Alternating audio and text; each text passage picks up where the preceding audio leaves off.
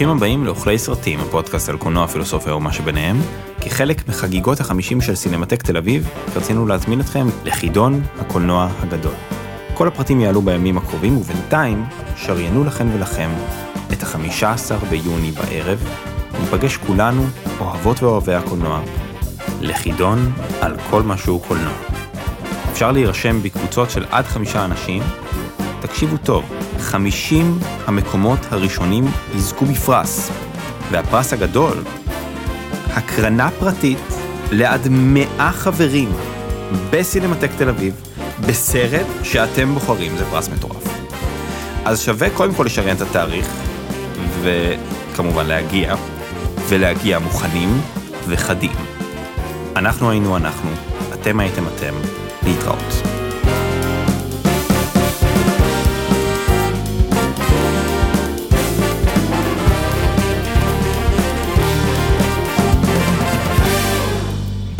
הבאים לאוכלי סרטים, פודקאסט על קולנוע, פילוסופיה ומה שביניהם.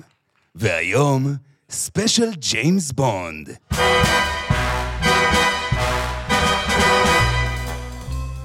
נצפה בסקייפול בהנחיית ליעד הרמן, יזם, חובב קולנוע, וסביר שהיה משחק את קיו באחד מהסרטים.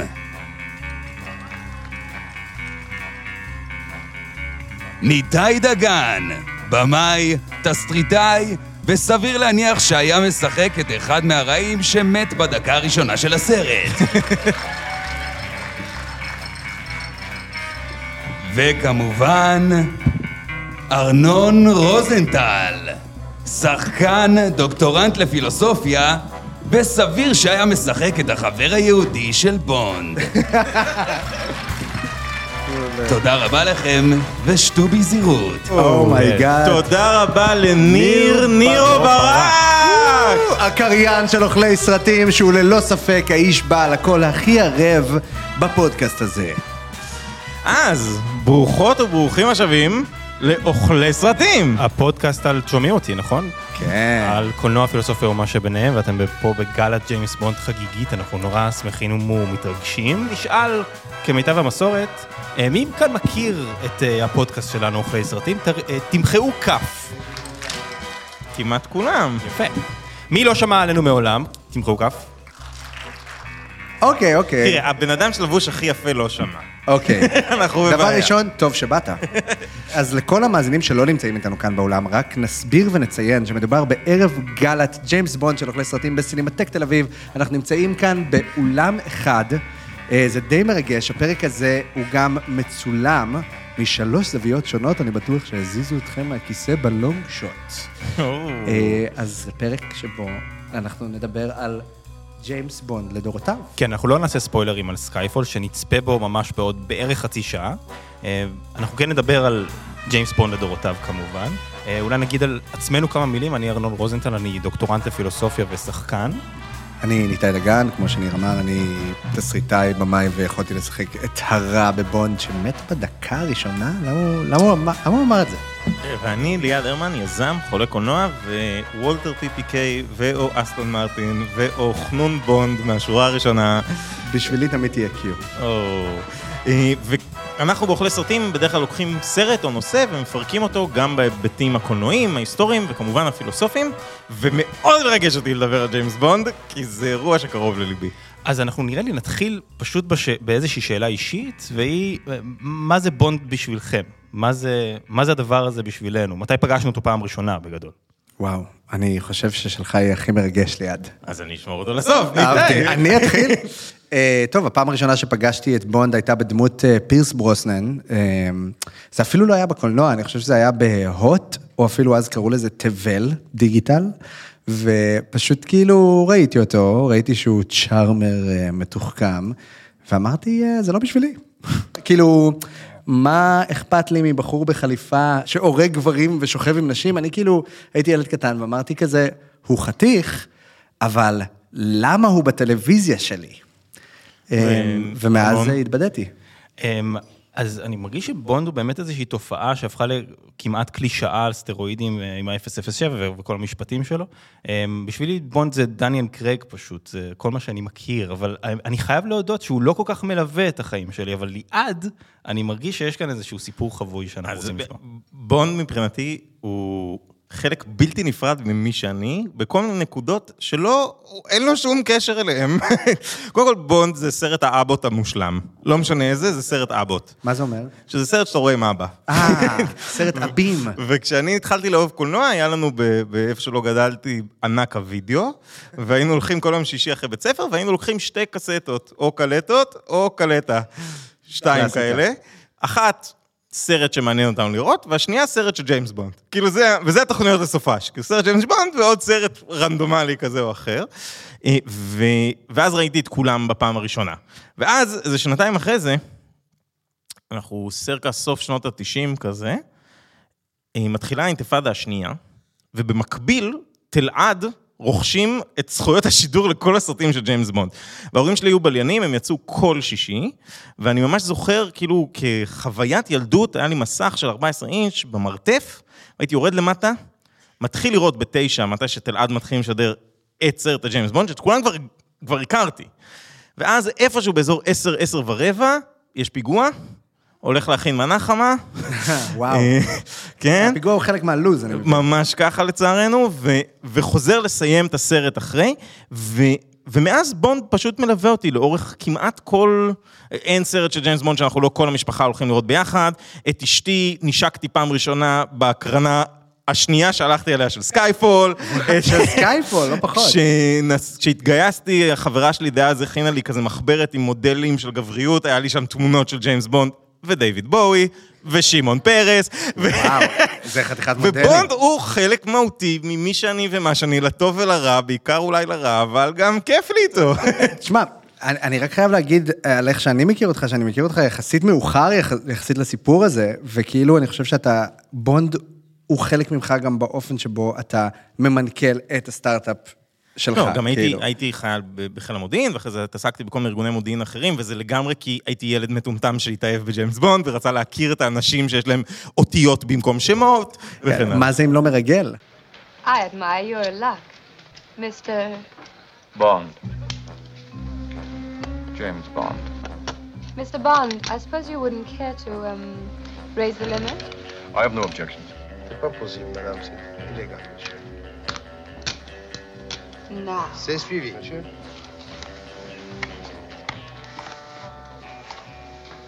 Looks like you're out to get me. It's an idea at that.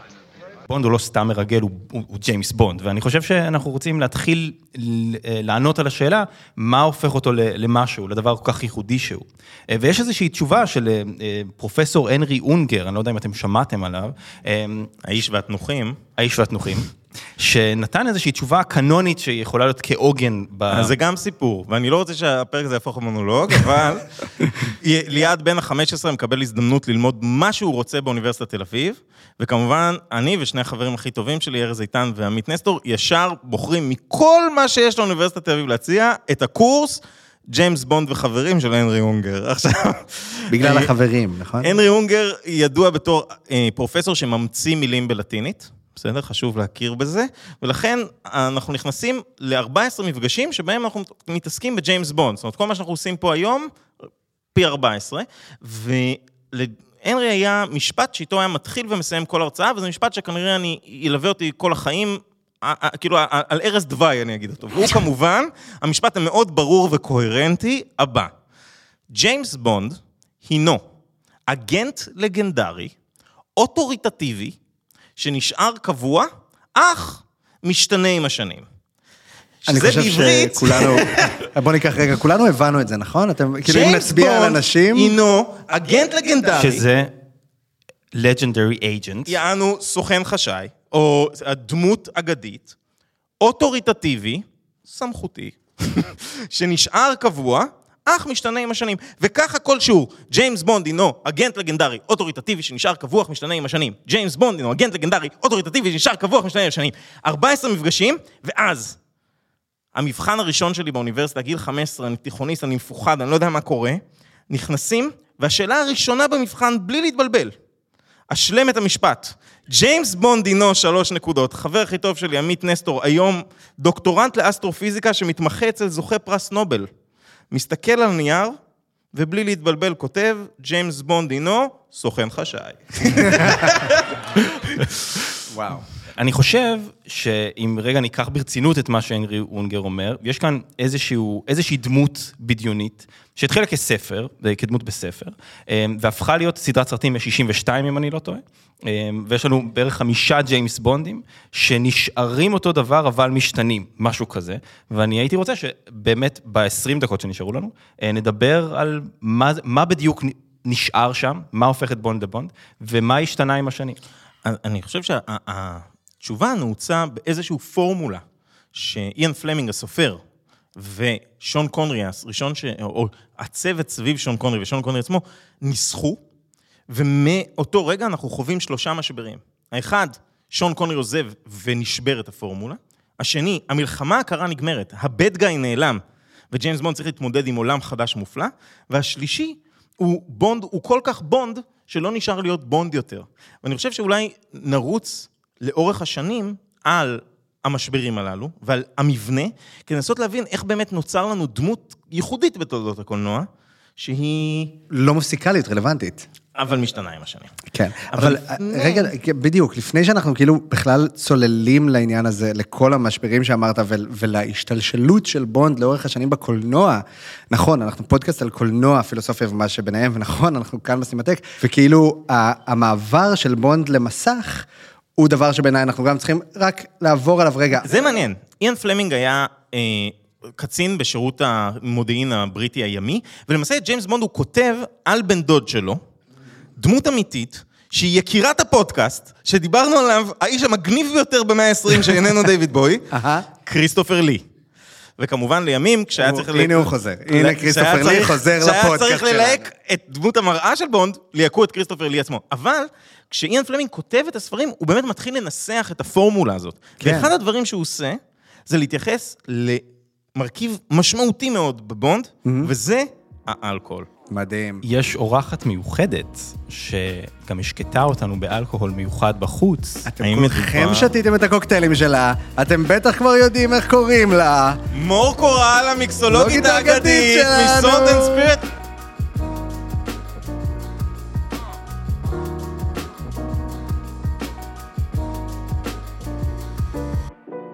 בואי אלינו לבמה. מור קורל, המיקסולוגית האגדית. אוקיי, אז ככה. אני הכנתי פתק, כי בזמן שהם התכוננו, אנחנו שקשקנו לכם קוקטיילים, סבבה? אז אוקיי, אז חוץ מהפתיח וחוץ מהחליפה ונערות בונד שבטח עוד תגיעו אליהם, ואני חושבת שהכי מזוהה עם ג'יימס בונד, זה קוקטייל מרטיני. ברור! מי פה שתה וספר? תרימו אותו. וואו, רגע, במחיאת כף, מי שתה וספר? טוב, אז רגע, אז לפני ששנייה נספר על הווספר של ג'יימס בונד, אני חושבת שחשוב רגע לעשות סדר, ואני שמחה שיש לי את הבמה לזה.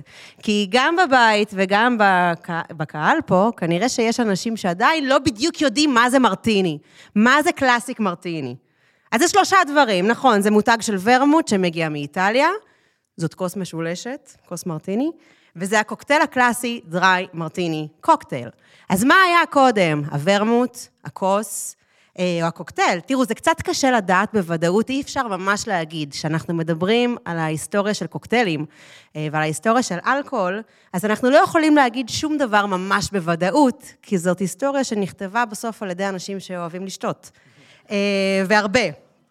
מה שאנחנו כן יודעים, שגם הכוס המשולשת, גם המותג וגם הקוקטייל מרטיני, התחלנו לראות אותם כבר בערך באמצע המאה ה-19, סוף המאה ה-19, משהו כזה. אה, היו קוקטיילים מבוססים על אה, ג'ין וורמוט, די מתוקים, די מתובלים, כמובן שחזקים, אה, אבל עם השנים, הטעם של השתיינים וגם הטעם של הברמנים הפך ליותר מתוחכם ומעודן. השתיינים רצו קוקטיילים שהם יותר יבשים ויותר חזקים. הם רצו לחזק אותם ולהוריד את הסוכר. ככה לאט לאט בעצם מתעצב הקוקטייל כמו שאנחנו מכירים אותו היום. יבש, כלומר לא מתוק, מבוסס על ג'ין או על וודקה, עם קצת ורמוט יבש, אה, וזית או לימון. אתם שותים כאלה? וואו, אה, אני אף פעם לא שמתי זית או לימון בקוקטייל שלי. טוב, עליי. אני חושב שזה לעיתים נדירות, אבל יש בעצם סיפור על קוקטייל ממש ספציפי, שאיאן פלמינג ממציא. אז משוקשק או מעורבב? אז בעצם בספר קזינו רויאל ב-1953, שזה מה שאתם, אה, בדיוק הספר שסיפרתם עליו, ג'יימס בונד ניגש לברמן ומזמין, לא רק שהוא אומר בדיוק איך הוא רוצה לשתות את המרטיני שלו, אלא הוא בעצם ממציא קוקטייל חדש לגמרי, אה, תחת ההוראות המדויקות. Three measures of Gordon, one vodka. Half measure of quina lile.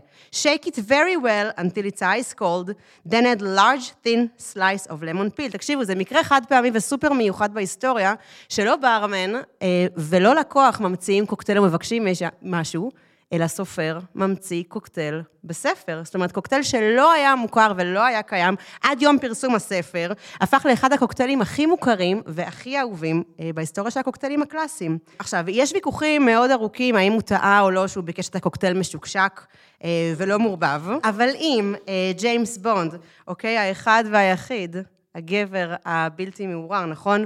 אם הוא שותה קוקטייל בכוס מרטיני, אני חושבת שגם אתם יכולים לבקש, לא לבקש יותר לעולם מהברמן או מהברמנית, אה, תכיני לי משהו בכוס של גבר, נכון? סגרנו את הפינה הזאתי? לגמרי. איפה הכוס שלכם? יואו, תודה רבה.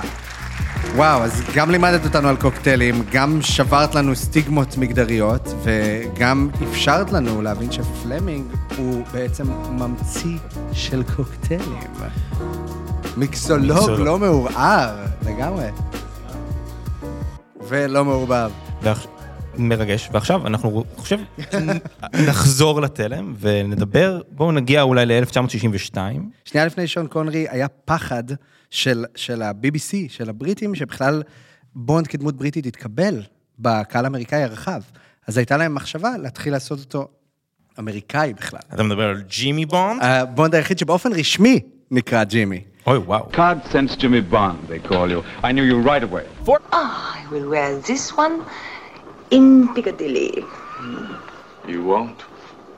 They've just passed some new laws there. מתחילה הסדרה אה, עם שון קונרי, אה, ומה מה קורה שם?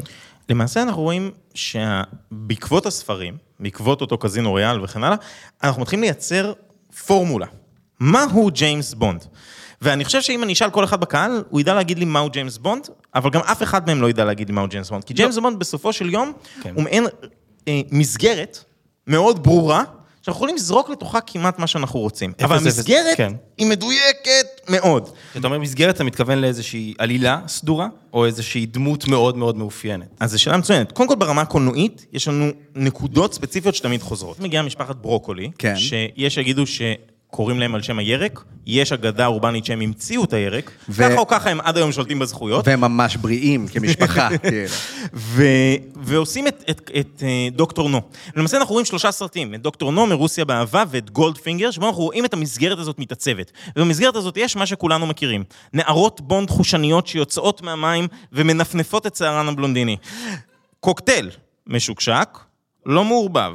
וולטר PPK, אסטון מרטין, נבל, בדרך כלל גרמני, שיש לו איזשהו עיוות גופני ומוסרי, איום באופן קבוע על הגבריות של בונד, עדיף בתצורת לייזר שמכוון לו לביצים, ואיזושהי מזימה כוללת של להשתלט על העולם באמת בצורה הכי מגוחכת שאתה יכול לדמיין.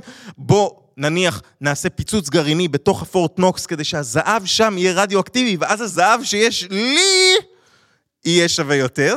והכי חשוב, שמות כמה שיותר מיניים, וביניהם אוקטופוסי, שטויות. whole lot of lot, וואו. והטייסת הלסבית, שבונד כמובן מחזיר להיות סטרייטית ולהציל את העולם יחד איתו, פוסי גלור.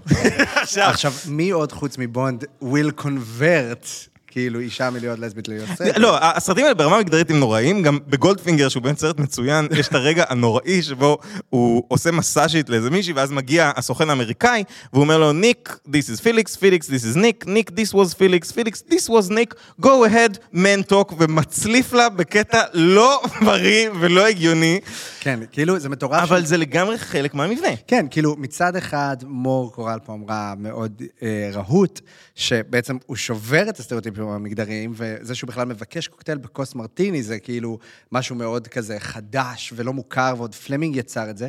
ומהצד השני, אנחנו רואים כמה כל הדברים שבונד, או לפחות 50% מהנקודות שהן בונד, זה מאוד מאוד... אה, אני לא אגיד שוביניסטי, אבל כאילו... אל תגיד שוביניסטי, זה בסדר. גמור. זה לא, זה כאילו, זה חתיכת כזה, אז בוא הגבר נזכור- של הגבר. בוא נזכור איפה אנחנו נמצאים. אנחנו בשנת 63, 64, 65. העולם למעשה כבר השתקם ממלחמת העולם השנייה, אנחנו פוסט הבום האמריקאי, ואנשים מתחילים לגלות את העולם ברמה הכלכלית. וזה חלק ניכר מההצלחה של הסרטים האלה. כשהקהל מגיע ב-63 לקולנוע, ורואה על המסך הגדול את ג'מייקה, זה פעם ראשונה שהוא רואה את ג'מייקה. זאת אומרת, אני בא לג'יימס בונד משלוש סיבות. אני בא לראות איש מסתורין בינלאומי שמציל את העולם, אני בא לראות גברים ונשים יפות, לבושים מאוד מאוד יפה, או כמה שפחות, ועטופים בזהב אם אפשר, ואני בא לראות עולם. וזו הצלחה מסחררת. והם עלו פה נוסחה שלשנות ה-60 התאימה בול. כאילו, כל מה שדון דרייפר ממדמן רוצה היה להיות, ג'יימס בונד כבר עשה לפניו. ואז אנחנו מגיעים למשבר הראשון. He suggests the trade. Egg for your life. Well, I'd heard the price of eggs was going up, but isn't that a little high? איך הפורמולה הזאת השתנתה? כי באמת אמרת משהו נורא נורא סדור. בהווה של הדבר הזה, האם היא בכלל תחזיק? אז הפתרון נעוץ בשלושה דברים בעיניי, שאפשר להתחיל לחקור אותם. אחד, איך ג'יימס בונד כסדרה מגיב לעולם, איך ג'יימס בונד כסדרה מגיב לשחקן הראשי שלו, ואיך ג'יימס בונד כסדרה מגיב לקולנוע שסובב אותו. שון קונרי עוזב, שינוי כיוון משמעותי. בשירות עוד מלכותה, לזנבי, דוגמן אוסטרלי, גבוה במיוחד, מלוהק לתפקיד. והוא מציג לצלילי לואי ארמסטרונג ג'יימס בונד אחר לגמרי. ג'יימס בונד רגיש, ג'יימס בונד אכפתי, ג'יימס בונד שנישא ומתחתן בסרט, רק כדי שבאותו הסרט בלופלד, האויב הגדול, מארגון ספקטר, יהרוג את אשתו. ועל אף שכל הסרטים כביכול אין ביניהם הקשר, לפחות עד התקופה של קרייג, זה נקודת עלילה שחוזרת שוב ושוב ושוב. ועל אף שהסרט התקבל בצורה רעה מאוד אצל הקהל, למרות שהמבקרים עד היום אוהבים אותו, והחזירו את שון קונרי לעוד איזה סרט שתיים עד שהוא באמת כבר היה מבוגר מדי, הנקודה הזאת היא קריטית. כי שם משפחת ברוקולי מאבדת קצת שליטה ואומרת, אוקיי, אנחנו חייבים לשמר את הפורמולה, אבל למצוא דרך להפוך אותה לעכשווית לעכשיו.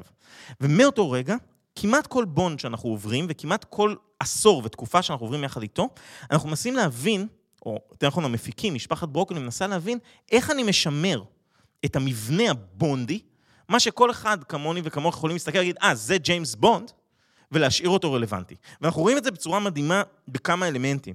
רוג'ר מור, שהוא הבונד האהוב עליי, למרות שהוא לגמרי ההיתולי מביניהם, מגיע בתחילת שנות ה-70 לצלילי פול מקארטני וה Wings, וואו. אחלה שיר אבל, והסרט שהוא משתתף בו, Live and Let Die, הוא סרט blaxploitation בונד.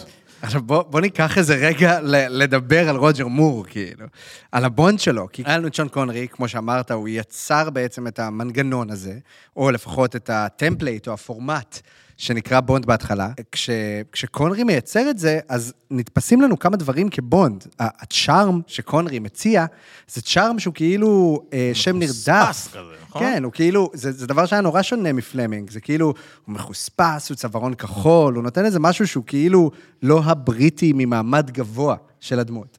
ו... שון קונרי הוא סקוטי בכלל. כן, עם מבטא סקוטי כבד. הכי הארדקור, ואז ברגע שיש הם לא לנו... צחקו, אתה ראית? לא, לא, כן. תשמע, זה live, יש אה, you win some, you lose some. אתה צריך אה, לבחור את הקרבות שלך. אבל, אה, כמו בונד. אבל בעצם, ברגע שרוג'ר מור נכנס, אז מייצרים איזה משהו שהוא אחר לגמרי. כאילו, ג'יימס בונד מה charmer, שתמיד אומר catch phrases שקונרי אילתר. אה, אשכרה. כן, כן, הוא ממש אילתר את ה catch phrases, והדברים האלה נשארו כאלמנט בדמות. הוא תמיד, עד דניאל קרייג, יגיד משפטים שאתה אומר כאילו, אוקיי, איך הוא, איך הוא עלה על זה? וקונרי אילתר את זה. ורוג'ר מור פתאום נכנס, ויוצא משהו שהוא קמפי. דיברנו על זה קצת בפרק, על טרשטוק, אבל קמפ זה בעצם הדרך שבה אה, יצירה נוצרת, והיא היתולית באופן שהוא כמעט מזלזל בז'אנר. הוא מודע לזה שהוא בסרט מרגלים. אז זה כן. כמעט פרודיה על הדבר? זה כמעט פרודיה. כאילו, נגיד הבטמן של ה sixties, גם הוא קמפי. אתה רואה חליפות נוצצות, אתה רואה דברים מוגזמים. ורוג'ר מור, וזה בדיוק בדיוק התקופה, כן. 73, 75. הם מגיבים למה שקורה על המסך הקולנוע, והופכים את זה קצת לבדיחה, אבל משמרים את המסגרת. הסרט הראשון, כמו שאמרתי, blaxploitation. כן. הסרט השני, מונרייקר, ג'יימס בונד עולה לחלל, פחות משנתיים אחרי סטאר וורס, מתחיל לראות לייזרים. מטורף. לא, גם הוא, הוא כאילו נלחם בסומואים, ואתה רואה שלושה סומואים נלחם, כאילו עומדים מולו מוכנים לקרב. דבר ראשון שהוא אומר לסומו, מה שכל אחד יגיד, ערב טוב. כאילו, מה, אתה הולך להרביץ לסומו, מה אתה אומר לו? כאילו, זה ממש, זה ג'יימס בונד נורא ספציפי, ושנורא כיף לראות.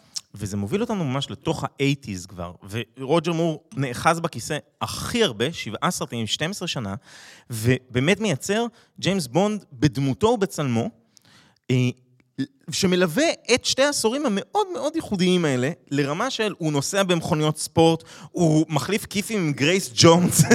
וואו, רחוק מאוד. הוא, הוא מלווה אותו למעשה עד המשבר הגדול השני, שזה סוף המלחמה הקרה. Good. Because I think you're a sexist, misogynist dinosaur.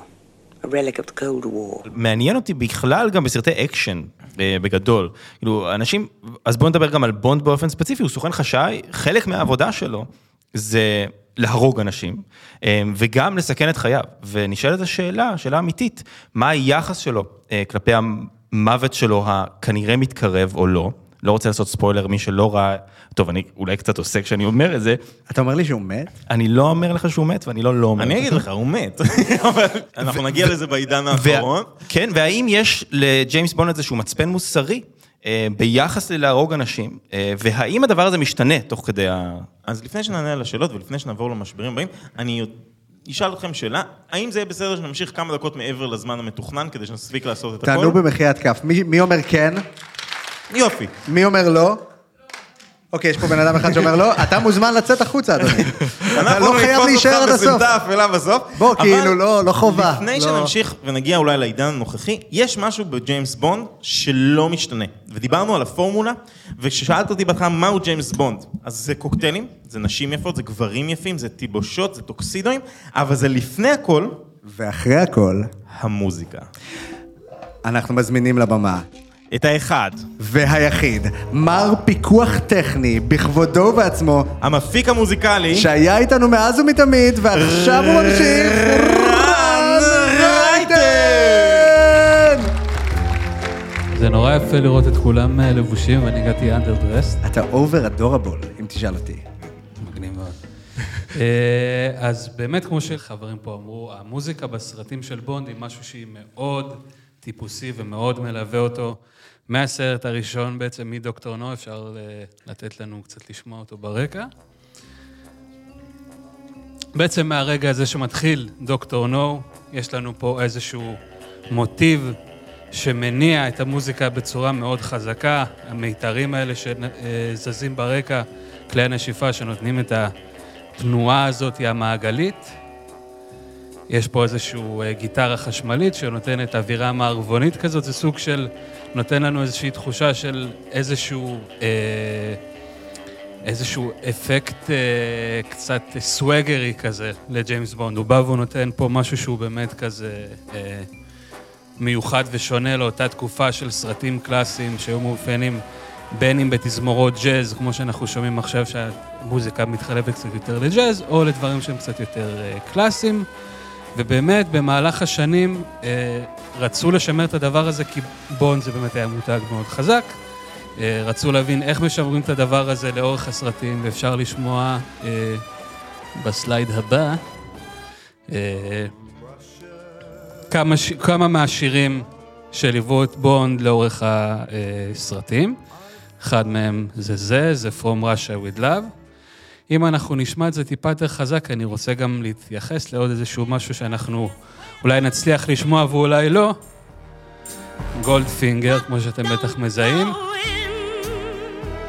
מסתיים פה באיזשהו אה, מוטיב שאנחנו מזהים, המוטיב הקלאסי והקבוע של בונד, התנועה המעגלית הזאת.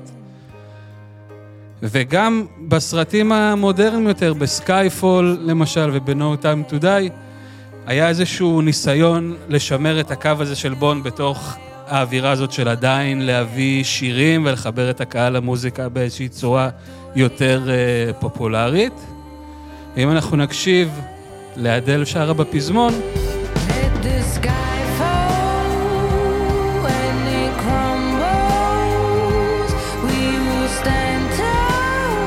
המוטיב המעגלי הזה, שמאוד מאפיין את בונד והוא מאוד מזוהה איתו, הדבר הזה שמאוד מאפיין אה, את בונד בשפה המוזיקלית המקצועית נקרא נקודת עוגב. מה זה נקודת עוגב?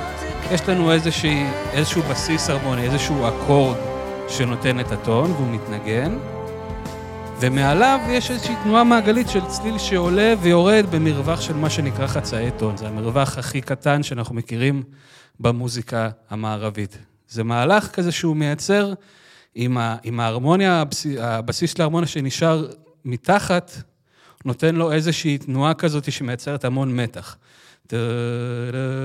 אפשר להשמיע את השלישי.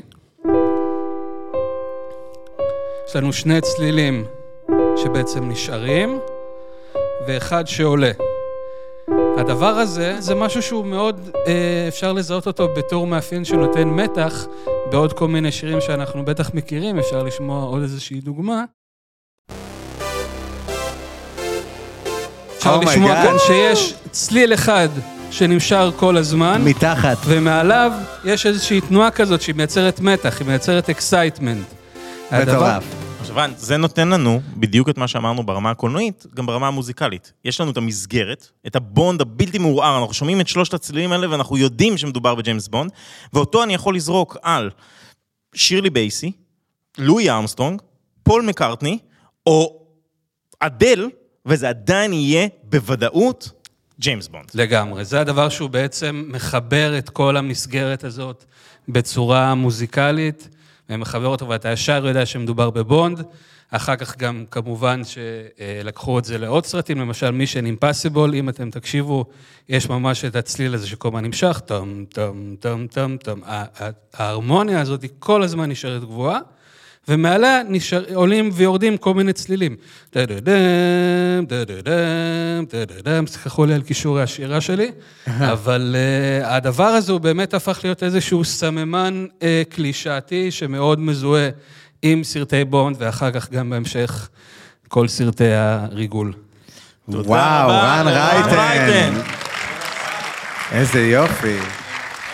אז תודה למוזיקאי רן רייטן, ואנחנו נדהר למשבר השלישי, אולי? אני חושב, אני חושב שנקפוץ לקרייג. כן. אז כל מה שלא שמעתם זה, בוא נעבור על כל ה... נגמרת המלחמה הקרה, לא יודעים מה לעשות עם בונד, פירס ברוסנן מגיע, עושה איזה מעין מישמש של כל מה שראינו עד היום, אבל בעולם בו אין קומוניסטים, וצריך אה. להמציא את האויב מחדש, אנחנו מצליחים להילחם בדרום קוריאנים, אנחנו מצליחים להילחם בפייק ניוז, אנחנו מצליחים להילחם בלוויינים רוסים. וכל דמויות הנשים בבונד בכלל שוברות את הסטריאוטיפ ולא נופלות בקסמיו. ופירס בוזן הוא בכלל אירי? What are you feeding him? Why don't you just kill him? No, Scott, I have an even better idea. I'm going to place him in an easily escapable situation involving an overly elaborate and exotic death. המשבר הגדול ביותר שבונד חווה, והוא משבר כפול. ואחד ממנו הוא מאוד מאוד עצוב, ואחד מהם הוא מאוד מאוד מצחיק. הראשון הוא 9-11. והשני הוא אוסטין פאוורס. כן, שמעתם נכון. למעשה, כשפירס בוסמן מסיים את הקריירה שלו, קורים שני דברים לפרנצ'ייז הזה שנקרא ג'יימס בונד. האחד, העולם עצמו משתנה בתכלית אל מול המלחמה בטרור, הנפילת מג- אה, מגדלי התאומים והכניסה לעיראק, ובמקביל, כל הקולנוע משתנה, ואוסטין פאוורס, ג'וני אינגליש וכל הפרודיות על סרטי מרגלים לא מאפשרות לבונד להיות הקומיקאי שהכרנו עד עכשיו. הם מבינים את הפורמולה, הם מבינים את המסגרת, וכל כך צוחקים עליה, שאנחנו כבר לא יכולים לקחת את בונד ברצינות. וזה בעיה, כי כאילו, אנחנו מצד אחד לא יכולים לקחת אותו ברצינות, מצד שני, כל הקסם שרוג'ר מור הביא, הקסם הקומי, הדבר שמאפשר לנו ליהנות מהסרטים המוגזמים וה-over the top האלה, בעצם לא יכול להיות חלק מהקסם של הסרטים הבאים. אבל דניאל קרג עוזר לנו בזה, לא? הפתרון של דניאל קרג הוא מה שאתה הצעת קודם. הבונד שאנחנו רואים בדניאל קרג, למעשה, בטוויסט חסר תקדים, הוא לחזור ללזנבי. הוא להפוך את בונד בהשראת מה שקורה בזמן הקולנוע. שוב, הנוסחה היא מאוד מאוד ברורה, אנחנו מסתכלים ימינה ושמאלה ומנכסים לעצמנו, בהשראת ג'ייסון בורן וכדומה, הוא בא ואומר, מה זה בעצם אומר להיות ג'יימס בונד? מה זה אומר שהתפקיד שלי הוא להרוג וכל יום כמעט להיהרג? מה זה אומר שהתפקיד שלי... כמו ש-Q מגדיר אותו באחד הסרטים, הוא להיות womanizer. מה זה אומר שאני מכונת הרג, היחיד עם רישיון להרוג. וזה מה שהסרטים של קרג, חלקם בצורה יותר טובה וחלקם בצורה פחות טובה, מעשה, מנסים לענות עליו. עכשיו, מה מטורף בזה? שלא רק שקרג כשחקן וכדמות עונה על זה, גם כל שאר הדמויות בבונד צריכות להתמודד עם זה. כשקרג מקבל את הדברים הכבדים האלה וה, והאפלים האלה לעשות ולהגיד, כל דמות צריכה להתמודד עם העובדה שאין לו בעיה לרצוח, ויותר מזה, הוא מרגיש גאווה על הדבר הזה. ועדיין, זאת פעם ראשונה שג'יימס בונד עצמו באמת שואל, זה מין רגע מכונן כזה, שמ-62 הוא לא עצר ושאל מה, מה, מה היא מהותי. ותראה ו... את החקירת דמות שקרג עושה. קרג משחק את הבונד הכי צעיר בקזינו רויאל, שעוד רק מקבל את הרישיון להרוג, ועוד אין לו גאדג'טים ואין לו כלום. ובסרט שנראה עכשיו... הוא משחק את הבונד הכי זקן, שצריך לחזור להפוך להיות בונד עם דמות האם, בדמות אם, מצחיק. כאילו לא אב.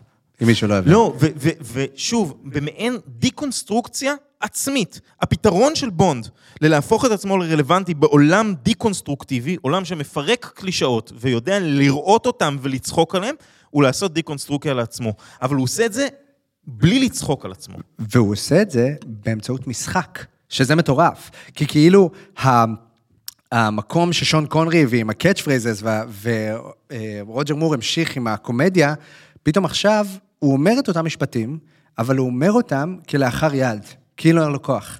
וברגע שהוא אומר את המשפטים האלה ככה, הוא יודע שהתסריט שנכתב לו, שהמילים שהוא אומר, זה כאילו, אין לו כוח כבר להגיד את זה, זה כבר כבד עליו אפילו לדבר. וזה נורא מעניין גם בהקשר של פשוט קלאסיקות, נגיד to be or not to be של, של המלט, שהדבר הזה הוא כל כך קלישאתי שכבר אנחנו צריכים ממש ממש להמציא את עצמנו מחדש בתוך ה... בתוך, אי אפשר פשוט להגיד את זה יותר, אנחנו צריכים. ברגע שאנחנו מקבלים את מה שקיבלנו עד קרג, שראינו אה, נשים יוצאות מהמים בבגדי ים, וזה כאילו מין איי קנדי של תראו, אישה, אז עכשיו הופכים את זה, ובונד יוצא מהמים, ואיזה איי קנדי, תראו, גבר, זה יותר מזה. ואיזה גבר. כן, אבל זה יותר מזה, זה לא תראו איזה שירים יש לו, הוא יוצא מהמים בלי חולצה. מדובר במה שדי איבדנו, אם פירס ברוזנן הופך אותו למטרוסקסואל, וכאילו בן אדם שברור לך שהוא מורח קרמים וזה, והוא עדין פתאום, אז פתאום אה, דניאל קרג, אתה רואה באופן ויזואלי שמדובר בגבר, הוא לא בא לשחק, הוא בא להרוג. ובסוף, ופה כן נספלר את הסרט האחרון של דניאל קרג, הוא גם מוכן למות. וואו. אני לא מאמין. אתה לא ראית. כן, זה מביך לעלות על במה כשלא ראיתי את זה. אני חושב אבל שבדיוק בטון הזה יהיה טוב להגיד שניסינו לאכול את אה, בונד לדורותיו. אני חושב שמצאנו כמה פתרונות לשאלה איך ג'יימס בונד נשאר קבוע ומשתנה עם השנים. ומה שמעניין אותנו, אמנם זה יהיה קצר, כי אנחנו ממש רוצים להתחיל בסרט, זה לשאול אתכם, האם לדעתכם זה אפשרי שבונד יחזיק גם אחרי דניאל קרג? לא, ומה השלב הבא? כן. איך ג'יימס בונד יכול להישאר רלוונטי ב-2024? 5? לאן אנחנו הולכים פוליטית שבונד צריך להישאר רלוונטי גם לזה? אז בואו תענו על זה. אתם מוזמנים לבמה לקצרה, כי יהיה לנו זמן לאולי שלושה אנשים גג? אפילו, אפילו אחד. אוקיי, אז אה, בוא נגיד... יש לנו שאלות מהקהל? או, או הערות? הנה, יש פה אחד שמרים יד. אתה צודק שקורונה שילמו 13 מיליון דולר כדי שבפעם הראשונה בהיסטוריה ג'יימס בונד ישתה בירה. פעם ראשונה שלא שתה מרטיני. אנחנו הולכים לצפות עכשיו ביחד בסקייפול. Okay. סקייפול, לעניות דעתנו, הוא הסרט הטוב ביותר בתקופה של דניאל קרג. הוא מעניין כי כחלק מהתשובה שאמרנו, שבו קרג עושה דיקונסטרוקציה לבונד, הסרט הזה לוקח את זה צעד אחד קדימה. הוא מתעסק בהיסטוריה של בונד, הוא מתעסק בקשר שלו עם הדמויות הקבועות בסרט, והוא עושה את זה בצורה שלדעתנו היא גם פשוט ביד אומן, גם של סם מנדס וגם של הצלם רוג'ר דיקנס, ואנחנו מאוד מקווים שנהניתו, אנחנו היינו אנחנו, ואתם הייתם אתם. תודה רבה!